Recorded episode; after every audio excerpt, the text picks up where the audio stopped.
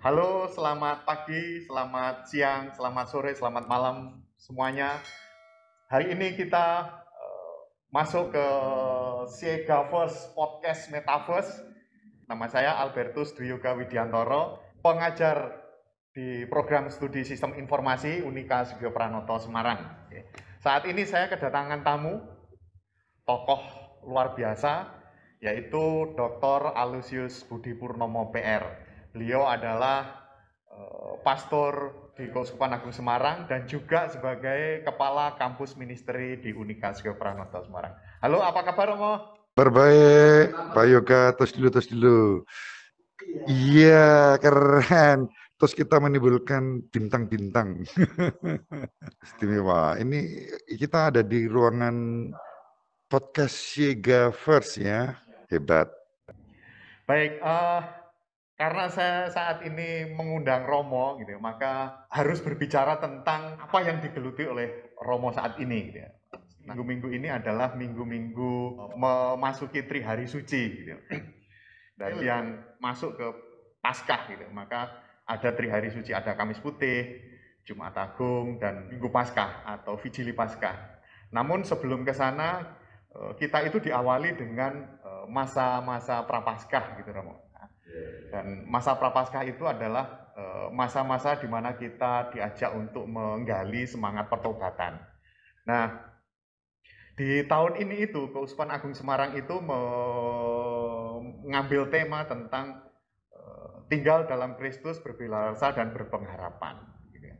Nah, tema itu eh, kita diajak untuk menggali semangat pertobatan. Nah, saat ini Romo, kondisi saat ini kan perkembangan teknologi itu sangat begitu pesatnya gitu ya. Kita bisa berkomunikasi dengan cara apa pun, serasa kita itu sedekat uh, ya sejengkal gitu ya. Kita semua merasa dekat gitu ya, merasa uh, ya hanya berjarak dekat. Tapi ternyata kita itu jauh gitu ya.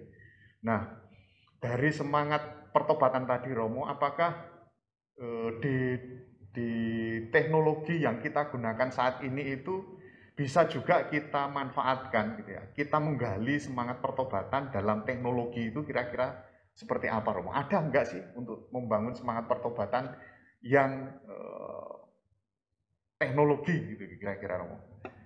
Kita sebut pertobatan teknologis gitu ya. Jadi dalam tradisi khususnya gereja Katolik kita kan mempunyai yang namanya pertobatan itu kan perubahan, ya, perubahan satu sikap untuk menjadi lebih baik. Itu pada intinya. Nah, dari yang saya pelajari, bahkan ada istilah yang namanya pertobatan ekologis. Satu perubahan ke arah sikap yang ramah dan peduli pada lingkungan dan kemanusiaan karena kita semua saling terhubung. Nah, teknologi ini menjadi salah satu masuk untuk secara positif kita terhubung satu sama lain. Ya. Nah, maka pertobatan teknologis bisa juga dipahami sebagai satu bagaimana kita menggunakan sarana prasarana teknologi untuk kebaikan. Di pertobatan teknologis kita pertama sadar bahwa ada sarana prasarana yang tersedia bagi kita. Lalu sarana prasarana itu kita pergunakan untuk kebaikan, bukan untuk keburukan apalagi kejahatan. Teknologi dipakai, taruhlah kita ambil contoh media sosial. Itu kan juga bagian dari teknologi. Nah, media sosial dipakai untuk mewartakan kebaikan bukan keburukan. Untuk mewartakan perdamaian, kerukunan, semangat kebangsaan, cinta lingkungan, dan bukan menyebarkan hoax, gibah, fitnah yang memecah belah, apalagi provokasi yang diwarnai dengan hatred, ya kebencian. Nah, perubahan ke arah kebaikan dengan sarana prasarana teknologi itu yang saya sebut sebagai pertobatan teknologis. Ya, itu Mas Yoga. Sederhananya seperti itu sih. nah, eh, begini Romo, dengan Eh, banyaknya teknologi yang eh, setiap orang bisa memilih menentukan pilihannya masing-masing. Saya akan menggunakan komunikasi dengan teknologi A, teknologi B, C, lalu saya bermedia sosial menggunakan teknologi apa gitu.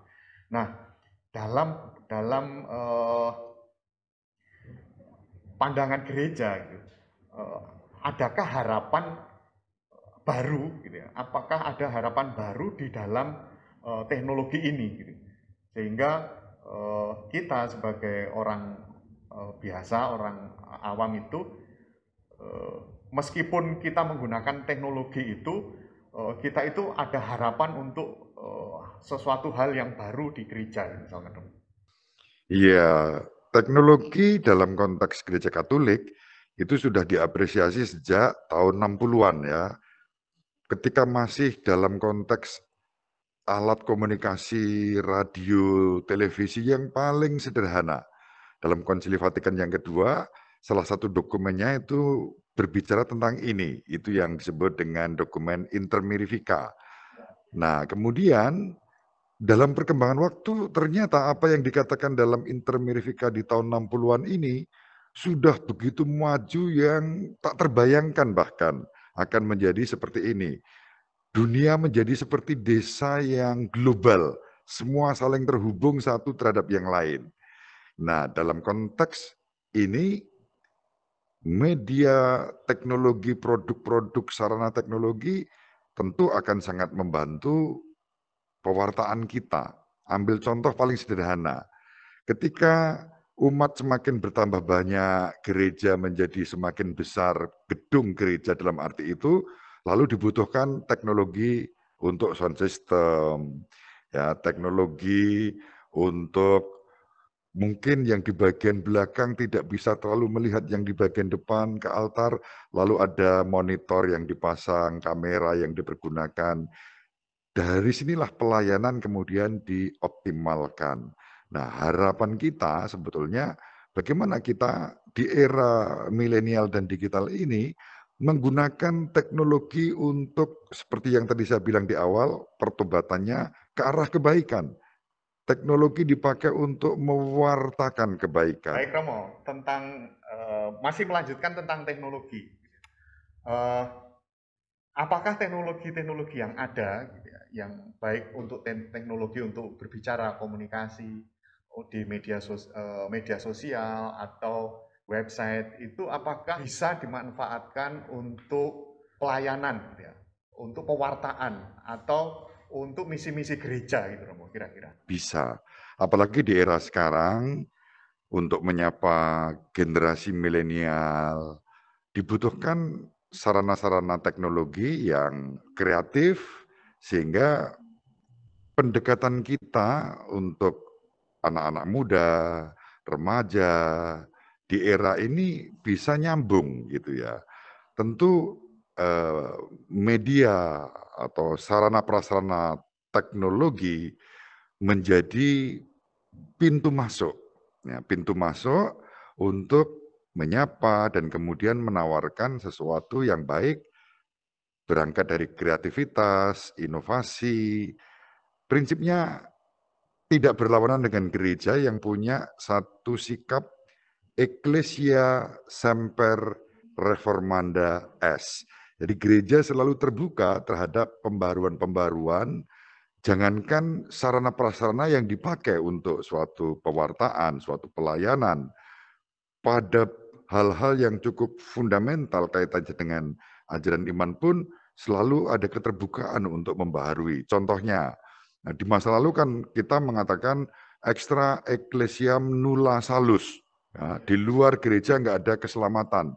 Nah bisa jadi sekarang ini ungkapannya menjadi ekstra teknologikam nulas halus. Wah, di luar teknologi nggak ada keselamatan gitu ya.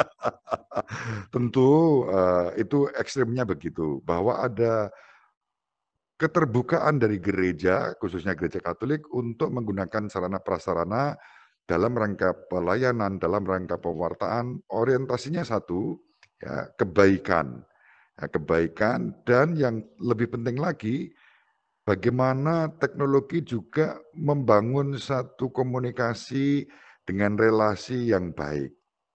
Bahaya teknologi alat komunikasi misalnya yang sekarang ini di depan kita adalah kita dekat dengan yang jauh dari kita, tetapi jauh dengan yang ada di dekat kita. Contohnya nih keluarga-keluarga duduk di meja makan yang sama, satu meja makan, masing-masing dengan gadgetnya, WA chatting dengan yang di sana, tetapi yang di yang jauh di sana, tapi yang dekat itu diabaikan. Nah, ini tentu kaitannya dengan yang pertama tadi, pertobatan juga perlu dibangun dalam konteks itu, pertobatan teknologi ya dalam rangka itu. Prinsipnya sejauh ini berguna untuk keselamatan kita, untuk kesejahteraan kita, untuk kebaikan kita, kenapa tidak? Tidak melanggar aspek-aspek moral, ah, sosial, dan lingkungan itu yang penting, ya, yang penting di situ. Nah, sejauh uh, arahnya ke sana, dunia kita sangat terbuka. Dulu nggak, waktu saya kecil nggak terbayangkan bahwa akan ada misa live streaming gitu ya. Sebelum pandemi loh ya, sebelum pandemi saya bisa mengikuti perayaan malam Natal di Vatikan dari dekat di depan layar televisi saya. Suasana yang ada di sana hadir di depan saya. Ya, dengan psikologi bahwa aku bersatu dengan apa yang bukan hanya melihat, tapi aku hadir di situ. Nah, kebetulan masa pandemi ini membuat kita semua berubah. Ya, perubahan ini sejauh mengarah pada kebaikan tentu tidak bertentangan dengan apa yang diharapkan oleh gereja Katolik dan gereja Katolik mendorong supaya kita juga menggunakan sarana prasarana teknologi ini dalam rangka pewartaan, dalam rangka kebaikan, dalam rangka pelayanan kita. Gitu Mas Yoga. Oke, baik Romo. Ini artinya untuk teman-teman muda gitu ya, rekan-rekan muda dan adik-adik sekalian gitu ya. Bahwa jangan alergi masuk ke gereja gitu ya. Bahwa teknologi bisa dimanfaatkan oleh gereja untuk berekspresi gitu.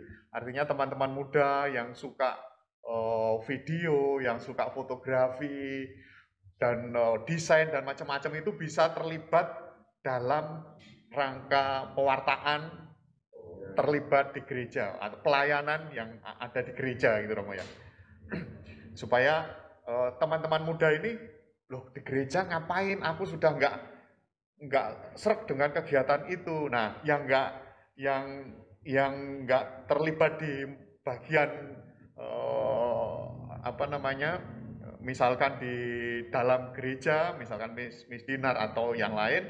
Nah, teman-teman yang lain bisa terlibat di perwartaan bagian yang ini gitu Rama ya. Ya, ini kan masuknya nanti di satu Komsos ya. Komsos komunikasi sosial itu memberi ruang pada sarana prasarana teknologi. Lalu kemudian Komsos bisa bersinergi dengan PSE misalnya, pengembangan sosial ekonomi. Nah, ketika kita menggunakan alat-alat sarana prasarana teknologi untuk pengembangan sosial ekonomi umat dan masyarakat itu kan sesuatu yang baik ya tujuannya untuk kesejahteraan untuk bonum ke mana kemudian untuk mendukung taruhlah di satu tempat ada yang sakit lalu bagaimana kita bisa cepat menghubungi Romo untuk mendoakan atau umat saling mendoakan bagi yang sakit Loh, maka dulu saya suatu kali pernah usul tuh pada Eh, sahabat kita Prof. Renat Kasali ya yang sangat uh, maju dalam hal ini. Prof, mungkin enggak sekarang ini kan ada GoPay, ada Gojek, ada GoSend, ada GoPris gitu ya. Jadi kalau aku butuh didoakan, ada orang cari Romo, tinggal pencet tik, Romo terdekat datang untuk mendoakan, untuk melayani, untuk memberikan pelayanan. Wah itu keren itu. Nggak usah nunggu lama, langsung yang terdekat bisa melayani gitu.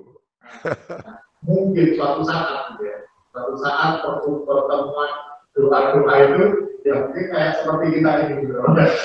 Ya kalau dalam arti itu mungkin eh, tentu bisa, tetapi tadi kaitannya dengan pertobatan teknologi ya, jangan sampai nanti kemudian kalau ini kan kita bisa dalam satu ruangan, tapi ketika terus-menerus dibatasi oleh ruang, tidak ada pertemuan, semua dibuat secara daring saja, itu juga akan mengurangi ya kontak-kontak manusiawi di antara kita, di antara umat. maka harus ada perpaduan yang seimbang antara menggunakan sarana prasarana seperti ini.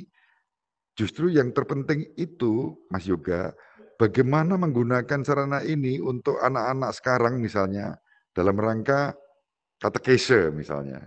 Ya. Kita berkatekese pengajaran iman dengan menggunakan sarana prasarana ini. Pasti anak-anak muda yang sangat eh, apa akrab dengan gadget dengan teknologi itu akan bisa disapa secara lebih intens gitu. Ya, ya baik.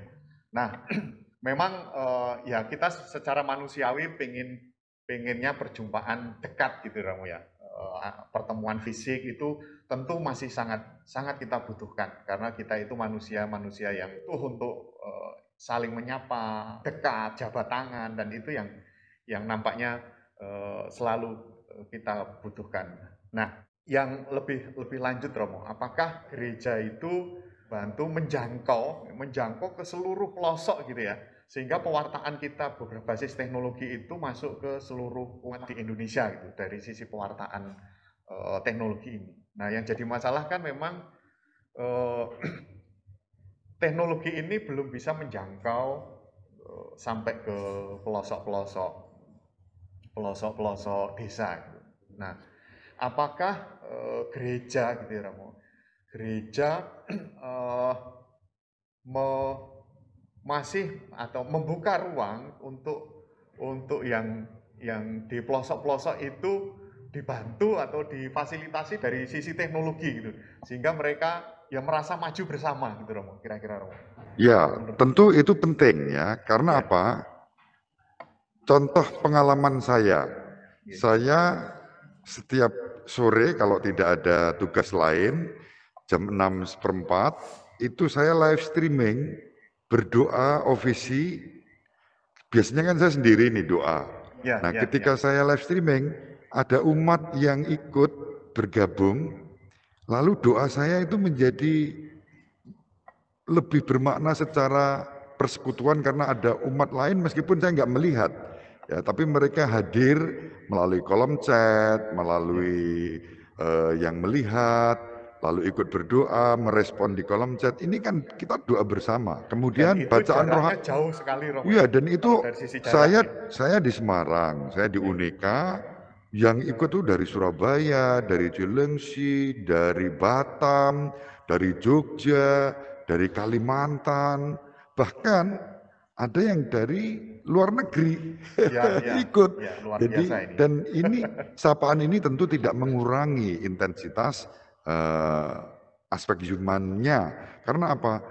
Dalam waktu yang sama serentak aku bisa berdoa bersama meskipun kita tidak saling melihat tapi energi doa itu kan mempersatukan kita. Itu yang uh, contoh uh, konkret bagaimana kita bisa membantu menggunakan sarana prasarana teknologi bahkan sampai di pelosok-pelosok. Kesulitannya adalah sinyal. Ya. Ketika kita mau live streaming, sinyalnya kacau, lalu yang menerima juga sinyalnya atau kuotanya habis, akhirnya cuma munyer doang ya, gitu ya. ya. Ini itu juga bagian dari keterbatasan teknologi. Keterbatasan teknologi, tapi berkahnya adalah begini, ya. Mas Yoga. Ya. Contoh ya, Ya. Ketika aku berdoa sendiri, ibadahku sendiri, atau saya baca buku rohani sendiri, ya, ya. yang diperkaya hanya aku sendiri. Betul. Ketika betul, aku betul. live streaming, ya. yang saya baca ini saya bacakan, ternyata yang ikut bisa paling tidak bahkan pernah sampai 3.800 loh. Luar Bayangin tuh, itu lebih dari satu paroki itu. Ya, ya, betul, betul. Artinya itu ya. bisa dirangkum dalam uh, kalau mas di masuk di gereja itu misalkan ada pertemuan gereja gitu ya, hmm. itu bisa kalau seribu ya bisa tiga atau empat kelompok wah iya itu bisa betul karena gereja kita kan umumnya menampung hanya berapa 500 ya, ya. ya. ini seribu bahkan ketika saya misa untuk mengenang orang meninggal misa arwah saya buka untuk live streaming bisa seribu orang pada saat itu mengikuti belum lagi nanti aspek pewartaannya, ya juga ya, doa-doanya. Setelah itu orang masih bisa mengikuti. Ya. di akun YouTube saya misalnya. Betul. Dia masih bisa setiap saat kalau saya pagi membagikan renungan misalnya. Waduh aku pagi nggak sempat eh pre- mengikuti premiernya. Ya lalu siangnya atau sorenya atau malamnya atau ada pengalaman-pengalaman begini. Ada beberapa teman itu, waduh aku ini malam ini nggak bisa tidur. Udah deh dengerin renungan Romo. Oi. Sehingga Mantap. renungan saya itu menjadi obat tidur. Ya, ya, ya, ya. Tidur bisa menjadi lebih nyenyak karena ada renungan Romo gitu. Ada kan di situ Mas Yoga, ketika saya menutup renungan saya, saya memberikan berkat. Sahabat berhadapan kasih, di mana pun berada bersama keluarga, diberkati oleh Allah yang Maha Kuasa. Lalu saya berkati, itu ada yang babinya itu pas berkat itu tempelkan di batok gitu ya. Jadi asik juga ya.